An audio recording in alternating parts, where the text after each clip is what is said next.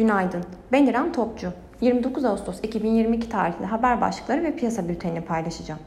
Powell sonrası ABD 2 yıllık tahvil getirisi Kasım 2007'den bu yana en yüksek seviyeye çıktı.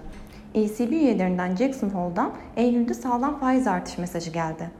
Ekonomistler Çin büyümesine ilişkin umutlarını kaybediyor. Goldman Sachs, emtia için pozitif tavsiye yayınladı. Hisse senetlerinde Powell sonrası sert satış dalgası yaşanıyor.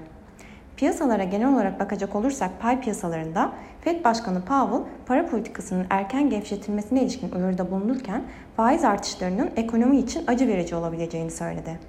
Avrupa Merkez Bankası'nın yıl sonuna kadar bilanço daraltmayı gündeme alabileceğine yönelik çıkan haberlerle yurt dışı borsalarda satışlar Borsa İstanbul kapanışı sonrası derinleşerek devam etti. Borsa İstanbul, yurt dışı borsalarda son dönemde düşük korelasyonla hareket etse de yurt dışı borsalardaki güçlü satışlar sonrası kısa vadede endekste kar satışlarının tetiklenebileceğini düşünüyoruz.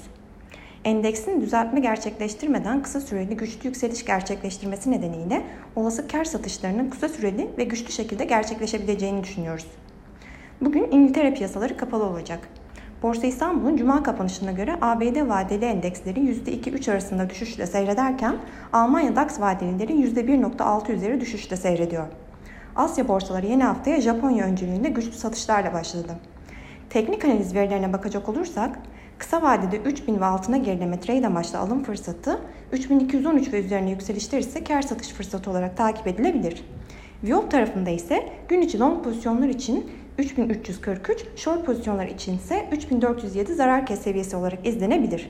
Borsa İstanbul'un Vendex kontratının güne negatif başlamasını bekliyoruz. Kazançlı günler dileriz.